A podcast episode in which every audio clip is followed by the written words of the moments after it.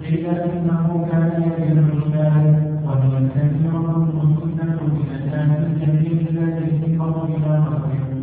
وعنه أن الله صلى الله عليه وسلم نهى عن بيع الثمرة حتى يبدو صلاحها. نهى البائع والمشتري. وعن أنس بن مالك رضي الله عنه أن رسول الله صلى الله عليه وسلم نهى عن بيع الثمار حتى تزهي قيل وما تزهي قال حتى تحمر. قال أرأيت إذا منع الله الثمرة بما يستحل أحدكم مال أخيه؟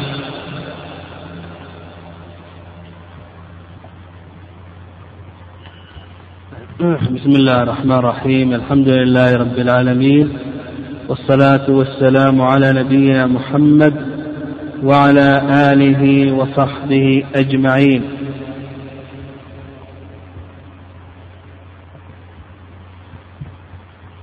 آه، تقدم لنا جملة من البيوع المنهي عنها فمن ذلك ما يتعلق بتلقي الركبان وكذلك أيضا النجش وكذلك أيضا أن يبيع الرجل على بيع أخيه. وأن يشتري على شرائه وأن يسوم على سومه وكذلك أيضا أن يبيع حاضر اللباد. و نعم. وهنا يقول نعم. وذكرنا ما يتعلق بالحديثين السابقين من مسائل لكن بقي عندنا مسألة واحدة. وهي نهي النبي صلى الله عليه وسلم عن تلقي الركبان وأن يبيع بعضكم على بيع بعض ولا تناجشوا إلى آخره. هل هذا النهي يقتضي الفساد أو أنه لا يقتضي الفساد؟ هذا ما الثاني هل أنه يقتضي الفساد أو أنه لا يقتضي الفساد؟ آه تكلمنا عن هذه بقي علينا هذه المسألة. العلماء رحمهم الله تعالى في ذلك رأيان. الرأي الأول أن النهي يقتضي الفساد للقاعدة التي سبق أن أشرنا إليها وهي أن النهي يقتضي الفساد. قالوا بأن النهي هنا يعود إلى ذات المنهي عنه. يعني يعود إلى ذات المنهي عنه فقالوا بأنه يقتضي الفساد. الرأي الثاني يعني الرأي الثاني أن النهي لا يقتضي الفساد وهذا هو المشهور من مذهب الإمام أحمد رحمه الله تعالى لأن النبي صلى الله عليه وسلم أثبت الخيار أثبت الخيار. قال فإذا جاء نعم أثبت له الخيار قال فإذا جاء صاحبه السوق فهو بالخيار. وأثبت الخيار في المصرات. وإثبات الخيار فرع عن الصحة. يعني إثبات الخيار فرع عن الصحة. النبي صلى الله عليه وسلم أثبت الخيار في المصرات وأثبت الخيار في تلقي الركبان إلى آخره. قال فإذا جاء سيده السوق فهو بالخيار. أو كما قال النبي صلى الله عليه وسلم فإثبات الخيار هذا يدل على الصحة وهذا القول هو الأقرب أن العقد صحيح لكن يبقى الخيار. وهذا القول هو الصواب في هذه المسألة.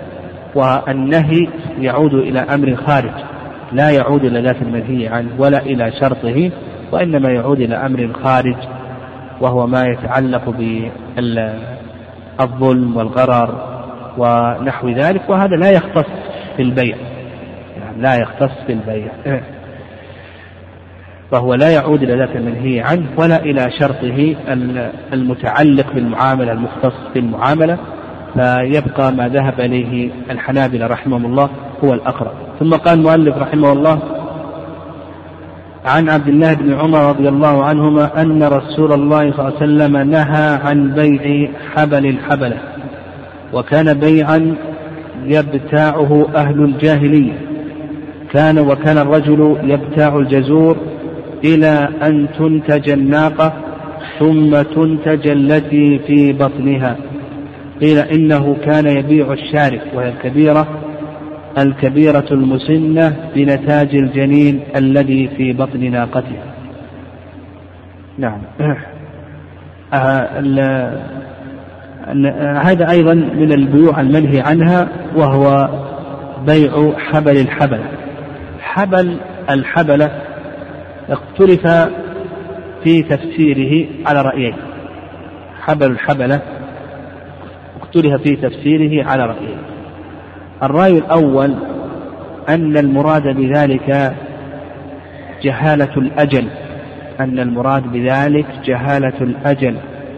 بمعنى أن يبيعه السلعة إلى أن تلد الناقة ثم تلد التي في بطنها. وهذا أجل مجهول. المقصود بذلك جهالة الأجل يعني أن يبيعه السلعة إلى أن تلد الناقة ثم تلد التي في بطنها وهذا مجهول. وهذا التفسير ذهب إليه الإمام مالك وكذلك أيضا الشافعي رحمهم الله تعالى. الرأي الثاني الرأي الثاني أن المراد بذلك هو الجهالة والغرر أن المراد بذلك هو الجهالة والغرر وكذلك أيضا بيع المعدوم وكذلك أيضا بيع المعدوم وهذا الذي ذهب إليه الإمام أحمد رحمه الله تعالى وذلك بأن يبيعه نتاج الحمل الذي في بطن الناقة المسنة أن يبيعه نتاج الحمل. الذي في بطن الناقة المسنة. يعني هذه الناقة حامل يبيع نتاج الحمل الموجود في هذه الناقة وهذا مجهول. مجهول لا يدري هل هو واحد أو متعدد هل هو حي أو ميت هل هو ذكر أو أنثى وأيضا معدوم ومعدوم مجهول فينبني عليه الغرر لما فيه من الجهالة. وكذلك أيضا هو معدوم كذلك أيضا هو معدوم. فعندنا تفسيران التفسير الأول ذهب إليه مالك والشافعي والتفسير الثاني ذهب إليه الإمام أحمد رحمه الله. وقال نهى عن بيع حبل الحبلة وكان بيعا يبتاع أهل الجاهلية. أهل الجاهلية المراد بهم ما كان قبل بعثة النبي صلى الله عليه وسلم وسموا بذلك لأنهم على جهل كبير. وهذا من جهلهم. هذه البيوع التي توجد عندهم هذا من جهلهم لما يترتب عليها من الغرر و نعم يترتب عليها من الغرر والمخاطرة ونحو ذلك. وكان الرجل يبتاع الجزور. يعني كان الرجل يبتاع الجزور. الجزور هو البعير. الجزور هو البعير. ذكرا كان أو أنثى إلى أن تنتج الناقة ثم تنتج التي في بطنها.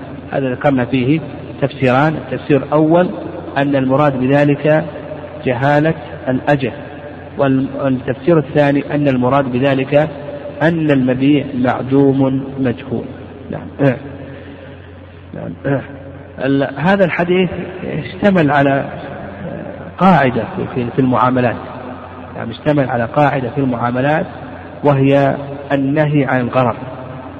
النهي عن الغرر. فالغرر المعاملة إذا كان يترتب عليها غرر فنقول بأنه ينهى عنها. ومن صور الغرر هنا أن يكون الثمن مجهولا أو أن يكون أن تكون السلعة مجهولة. يعني من صور الغرر أن يكون الثمن مجهولا وأن تكون السلعة مجهولة.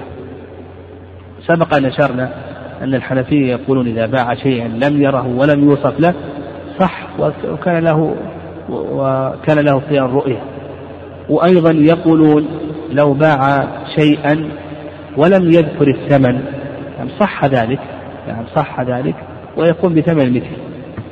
و دليل ذلك أن الله سبحانه وتعالى قال لا جناح عليكم إن طلقتم النساء ما لم تمسوهن أو تفرضوا لهن فريضة. فيصح أن يتزوج الرجل المرأة دون أن يذكر المهر. وانتبه يعني شرط نفي المهر هذا شرط فاسد مفسد. لو قال تزوج لكن شرط ما يكون مهر. هذا شرط فاسد مفسد كما قال شيخ الإسلام. لكن هنا ما ذكر المهر. ليس المعنى أنه يشرط. لو شرط لكان فاسدا مفسدا. لكن المعنى أن المهر لم يذكر. وهذا لا بأس. تسمى عند العلماء بالمفوضة. يعني تسمى المفوضة بالمفوضة أو يقسمون التفويض إلى تفويض بضع وتفويض مهر إلى آخره. يعني يعقد لهذا الرجل دون أن يذكر المهر ويصح العقد ويكون لها مهر مثل كذلك أيضا لو باع السلعة دون أن يذكر الثمن صح؟ ويكون بثمن المثل. وفرق بين هذا وبين أن يكون الثمن مجهول. وقال بعتك بما في جيبي هذا ثمن مجهول هذا. لكن لو قال بعتك ثم بعد ذلك تراضية صح ذلك ويكون بثمن المثل. هذا ذكره الحنفية رحمهم الله تعالى. آه، أيضا من فوائد هذا الحديث أنه على التفسير الأول لا بد أن يكون الأجل معلوما في البيع. يعني في البيع لا بد أن يكون الأجل معلوما. وأيضا لا يصح بيع المعدوم إلا ما استثني. يعني ونفهم أن الشارع كما ذكر ابن القيم رحمه الله ما حرم بيع المعدوم الشارع ما حرم بيع المعدوم لكن كما قال ابن القيم رحمه الله الشارع حرم بيع المعدوم الذي يترتب عليه غرض. وإلا الشارع جاء بباب كبير وهو باب السلم. والسلم السلع ما تكون موجودة تكون معدومة. فالشارع لم يحرم بيع المعدوم وإنما حرم بيع المعدوم الذي يترتب عليه يترتب عليه غرض. وفيه أيضا ما عليه أهل الجاهلية من المعاملات المحرمة إلى آخره. ثم قال المؤلف رحمه الله عن عبد الله بن عمر رضي الله عنهما أن رسول الله صلى الله عليه وسلم نهى عن بيع الثمرة حتى يبدو صلاحها نهى البائع والمشتري. وعن أنس بن مالك رضي الله عنه أن الرسول صلى الله عليه وسلم نهى عن بيع الثمار حتى تزهى. قيل وما تزهى؟ قال حتى تحمر أو تصفر. قال قال أرأيت إذا منع الله الثمر بما يستحل أحدكم مال أخيه. أيضا هذه من البيوع المنهي عنها بيع الثمار حتى يبدو صلاحها. يعني لا يجوز بيع الثمرة حتى يبدو صلاحها. وبما يكون صلاح الثمرة؟ صلاح الثمرة بما يكون. نقول الثمار تنقسم إلى قسمين. الثمار تنقسم إلى قسمين. القسم الأول يعني القسم الأول أن تكون ثمار نخيل. فعلامة الصلاح في ثمار النخيل أن تحمر أو تصفر. يعني أن تحمر أو تصفر. علامة الصلاح في ثمار النخيل أن تحمر أو تصفر. ولو بسرة واحدة. لو كان عندك ألف نخلة تريد أن تبيع أن تبيع ثمرتها التمر لا يزال أخضر ما يجوز أن تبيع لكن لو احمرت بسرة واحدة جاز أن تبيع ألف النخلة. وهذا ينبني على قاعدة وهي ما هي؟ التابع تابع أنه يثبت تبعا ما لا يثبت استقلالا. يثبت تبعا ما لا يثبت استقلالا. فنقول بدو الصلاح في النخيل ماذا؟ أن تحمر أو تصفر. طيب بدو الصلاح في الثمار غير النخيل في الثمار غير النخيل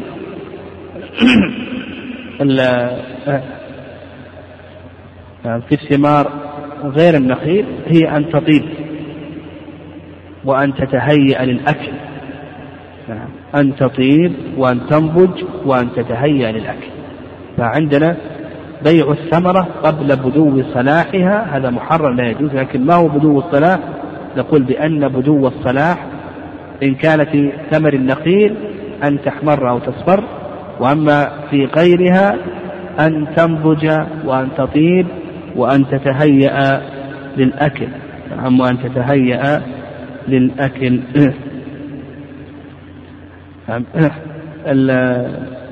والحكمة من النهي عن بيع الثمار حتى يبدو صلاحها أنها قبل بدو الصلاح لا يؤمن عليها من الفساد والتلف.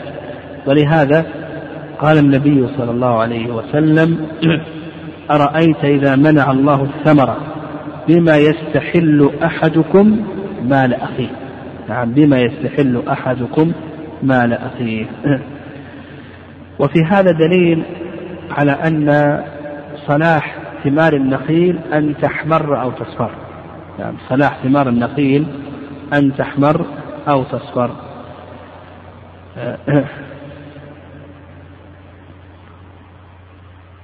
وفي هذا أيضا دليل على أنه يحرم على المسلم أن يأكل مال أخيه. يعني بما يستحل. أرأيت إذا منع الله الثمرة؟ بما يستحل أحدكم مال أخيه. يعني فيه أنه يحرم على المسلم أن يأكل مال أخيه. وإذا بيعت الثمار بعد بدو صلاحها ثم بعد ذلك حصل لها عاهة يعني أصابتها جائحة من الجوائح. فالنبي صلى الله عليه وسلم قال أرأيت إذا منع الله الثمرة بما يستحل أحدكم مال أخيه فنقول إذا حصلت جائحة للثمار بعد أن بيعت بعد بدو صلاحها فإن المشتري يرجع على البائع بالثمن. اللهم إلا إذا كانت هذه الجائحة يعني إذا كانت هذه الجائحة إذا كانت شيئا يسيرا يعني إذا كانت شيئا يسيرا فإن هذا لا يضر لأن هذا مما جرى به العادة.